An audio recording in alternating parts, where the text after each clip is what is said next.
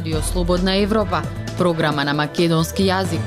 Од студиото во Скопје, Марија Митевска. Почитувани во овие вести ке слушате новиот бугарски писмен документ кој ги дефинира врските во диалогот со Македонија. Од МНР вела дека е само за внатрешна употреба. Каков ефект врз малите и средните фирми ќе имаат најавените даночни реформи. Брзото возење или подейство на други алкохол со новите законски измени ќе се каснува со затвор. Останете со нас. Независни вести анализи за иднината на Македонија. На Радио Слободна Европа и слободнаевропа.мк.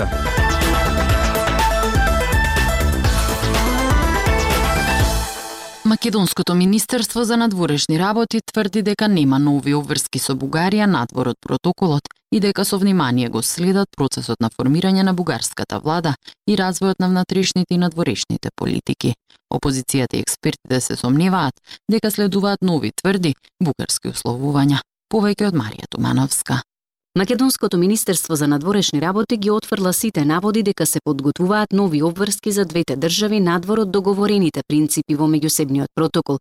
Реакцијата на МНР следува откако вчера новиот шеф на бугарската дипломатија Николај Милков најави усвојување на документ што ќе ги дефинира задачите на институциите во Бугарија со конкретно утврдени обврски за диалогот со Македонија. Сите појавени информации за внатрешната поставеност за начинот на организација, акциските планови и приоритетите на владата се внатрешна работа на Република Бугарија и тие не представуваат резултат од меѓусебните разговори. Од тука сакаме да ги отфрлиме сите наводи дека се подготвуваат нови обврски за двете држави надвор од договорените принципи во меѓусебниот протокол кои значат прво реципроцитет во рамките на преземените обврски, како и автономија на заедничката мултидисциплинарна експертска комисија за историски и образовни прашања се наведува во сообштението од МНР. Од ВМРО ДПМН пак се сомневаат дека новиот документ за кој зборува Милков е уште едно предавство за македонскиот идентитет. Оттаму ги повикаа министрите Османи и Маричик и премиерот Димитар Ковачевски да одговорат што содржат овие нови документи, односно кои се новите барања и услови на Бугарија. Додека се обидува од петни жили да ја убедат македонската јавност дека со протоколот се затвораат сите услови и барања од страна на Бугарија, за нецел месец повторно добиваме нови услови и нови барања за исполнување. Реагираат од опозицијската ВМРО ДПМНЕ. Па Дел од домашните аналитичари пак се сомниваат дека документот кој го најавува бугарската страна ќе го закочи процесот на проширување поради огромниот отпор на општеството, но и ќе креира регионална нестабилност. Политичкиот аналитичар Марко Трошановски подситува дека како и во предходната техничка влада, така и со оваа, со земјата раководи председателот Румен Радев, кој како што додава е застапник на тврдата линија на билатералните односи меѓу Бугарија и Македонија. Очекувам овој документ сушност да ги а, намали можностите за заобиколување или како да кажам флексибилно толкување на протоколот кој што беше подпишан помеѓу двете земји, овој документ би ги стеснил маневарските нели рамки и би инсистирал таа да не излегува од некои тврди бугарски националистички позиции, што всушност значи за обиколување, за барикадирање на процесот на проширување и зголемена ранливост на регионот од кон руско влијание. Инаку билатералниот протокол со Бугарија беше подпишан во рамки на вториот состанок на заедничката меѓувладина комисија со Бугарија, согласно членот 12 од договорот за добрососедство. Протоколот го подпишаа министрите за надворешни работи на двете земји Бујар Османи и Теодора Генчовска во Софија, а иако македонските власти тврдат дека истиот не е дел од преговарачката рамка за Македонија, Генчовска уште тогаш изјави дека протоколот има конкретни рокови и истиот е дел од рамката за преговори на Северна Македонија со Унијата. Наши економски проблеми. Ние разговараме за решенија на Радио Слободна Европа.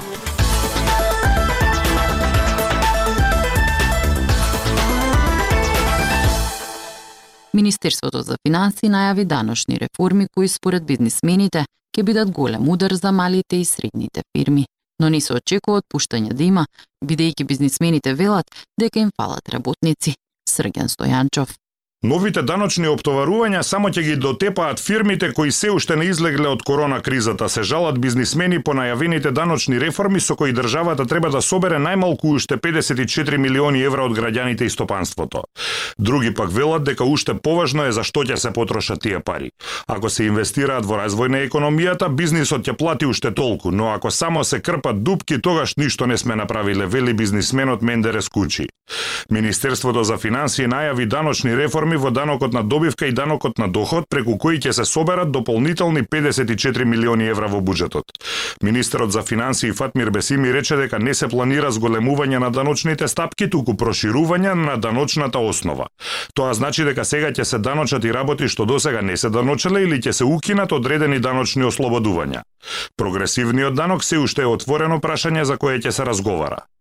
Бизнисменот Мирче Чекреджи вели дека новите давачки многу ќе удрат по малите и средни предпријатија. Во ова кризно време, наместо да се помогнат компаниите да се излечат од кризата и да почнат попродуктивно да работат, државата реши дополнително да ги оптовари.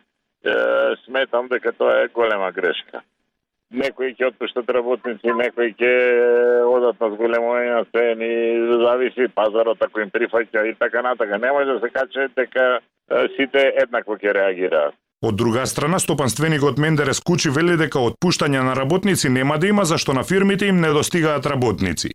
Тие што прават профит треба и да платат данок. Тоа не е спорно, вели тој.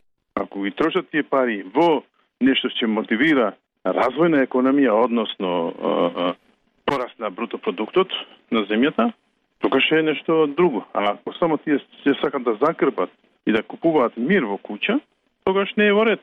Затоа што тие меки нема да вродат со плод. Со измените кои треба да стапат во сила од почетокот на наредната година се предвидува укинување на даночното ослободување по основ на реинвестирана добивка. Ќе се оданочуваат и донациите во спортот. Даночно олеснување се предвидува само за реинвестиции во енергетиката, дигиталната трансформација и зелената агенда. Исто така се укинуваат даночните ослободувања за третиот пензиски столб, животното осигурување и приватното здравствено осигурување за работниците, што досега не беше случај. Се воведува данок од 1% за малите фирми кои имаат добивка до 6 милиони денари годишно, а кои досега беа ослободени од оваа обврска. Се предвидува и да се плаќа 10% данок на каматите на штедните влогови, преку што ќе се соберат уште 7 милиони евра. По 7 години владата повторно ја враќа идејата хонорарците да плаќаат придонеси за пензиско и здравствено осигурување. Се предвидуваат и промени во ДДВ-то, односно укинување на некои повластени стапки и даночни ослободувања. Радио Слободна Европа, светот на Македонија. Брзото возење и возењето во алкохолизирана состојба се најчистите причини за тешките сообраќајки, а со новите законски измени се предвидува и казна затвор до 3 години. Ке ги намалат ли измените црните статистики на стотици загинати во сообраќајните несреќи низ земјава? Прилог на Ивана Стојкова. Возењето под дејство на алкохол со најмалку 1,5 промили во крвта или пак под дејство на други психотропни субстанци, возењето во забранет правец, претекнувањето на колона возила на непрегледно место и возењето над 70 км на час повеќе од дозволената брзина, ако досега се казнуваше прекршачно со новите предлог измени во кривичниот законник, се планира да се казнува како кривично дело. При тоа со новиот член 403, кривичното дело ќе гласи безобзирно управување со моторно возило, а за истото се предлагаат парични казни или затвор до 3 години. Од Министерството за правда велат дека причините за ваквиот предлог се случувањата во изминативе години кога безбедноста на сообраќајот беше значително загрозена со многубројни действија наведени во членот 403. До сега ова дело не постоеше во нашиот кривичен законник, а наведените действија на извршување се пропишани како прекршоци и други прописи. Токму брзото возење и возењето во алкохолизирана состојба се најчистите причини за тешките сообраќајки кои кои завршуваат со изгубени човечки животи, велат од Републичкиот совет за безбедност во сообраќајот на патиштата. Портпароло Дејан Андоновиќ вели дека во вакви случаи нема оправдување и треба да следат поголеми санкции. Тој очекува дека овие измени ќе зголемат свесност и внимателноста кај граѓаните. Значи овие три а, дела се најживото загрозувачки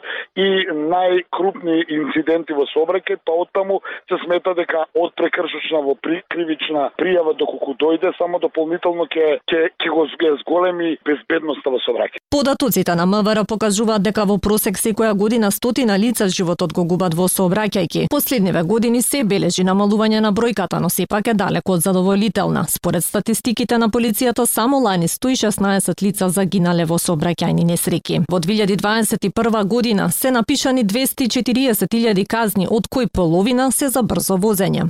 За брзо возење имаме 104.703 санкции во текот на минатата година. Исто така имаме санкции за возење без возачка дозвола 24.053, а за возење под дејство на алкохол 10.360. Овие се главно прекршителите кои што најчесто се санкционирани. Граѓаните кои што ги анкетиравме се согласни дека сообраќајната култура е на многу ниско ниво. Се согласуваат и дека треба да има повисоки казни и кривични кога станува збор за сообраќајот, но се скептични дека истите доследно ќе се применуваат и ќе важат за сите подеднакво. Мислам дека е добро и треба да биде така. За сите да знаат, не е сварта само да возам кола и да летаме и нечи живот да одзимаме. Па може би ќе придонесат за поголема безбедност, ама ако нема војко ми е таму, тетин ми е онаму. Ако има тоа, тоа ќе биде само за сиромосите. Измените во предложениот кривичен законник треба да бидат предмет на расправа, а донесувањето на законот се очекува да биде до крајот на годинава. Актуелности свет на Радио Слободна Европа. Од 2016 година владата на унгарскиот премиер Виктор Орбан им додели 2 милиони евра на спортските клубови во Секели, претежно етнички унгарски регион во Романија, финансирајќи изградба на фудбалски стадиони, спортски академии, хокеарски лизгалишта и друга инфраструктура. Пишува Маријан Павалсак, принесува Гоце Атанасов. Така наречената Секели се наоѓа во романскиот централен регион Трансилванија со околу милион луѓе кои живеат во областите Харгита и Ковасна, како и дел од округот Мурес. Иако нешто повеќе од половината на населението се идентификува како етнички унгарци, регионот долго време врие од повици за поголема автономија од Букурешт, ако не и целосна независност. Владата на Орбан често е обвината дека потикнува такви чувства. И додека Будимпешта вели дека незините намери се бенигни и многумина во Букуреш не се противат, барем јавно, другите гледаат со сомнеж на унгарското финансирање на спортот во Трансилванија. Аналитичарите се сомневаат дека Орбан го користи спортот како дел од играта на мека моќ, за да ги освои срцата и умовите, не само во Романија, туку и на други места во соседните земји, каде што има значителна етничка унгарска заедница. Во романскиот регион Трасиланија често се вее неофицијалното знаме на Секелиленд, а неофицијалната химна се пее на надпреварите, при што и самиот Орбан се придружува за да навива за некој од етничко-унгарските тимови таму. Фудбалскиот надпрва на 21 јули се случи само неколку дена пред Орбан да го одржи својот сега озлогласен говор во истиот трансилвански регион на Романија пред насобраните главно етнички унгарци за мешањето на расите и унгарскиот национален идентитет, што предизвика бран глобални прекори од Вашингтон, Брисел до еврејските групи но може би и Букуреш треба да биде загрижен. Од 2016 година Будимпешта инвестирала над 83 милиони евра во спортови во етничките унгарски заедници во Секелиленд. Голем дел од нив се влеваат во фудбал и хоке на мраз, очигледно двата омилени спорта на Орбан. Тој јасно стави до знаење дека унгарскиот идентитет и националната гордост се протегаат надвор од границите на Унгарија, а тоа ги вклучува и областите на романскиот трансилвански регион или Задкарпатскиот базен. Во својот говор на 23 јули во Баиле Тузнант, кој се наоѓа во областа Харгита во Трансилванија, Орбан рече: Татковината мора да остане обединета, а Трансилванија и другите области населени со унгарци во Карпатскиот басен мора да останат обединети. Орбан оди според планот, вели Стефано Батони, италијански историчар за Унгарија, кој тврди дека унгарскиот десничарски популист не е заинтересиран за промена на границите, туку за умовите. Ова може да се нарече ревизионизам. Орбан изгради прекограничен политички и културен систем преку пари, визија, идеологија, летни школи, како и социјални и културни мрежи, вели Ботони. Тоа беше се во вистите на Радио Слободна Европа.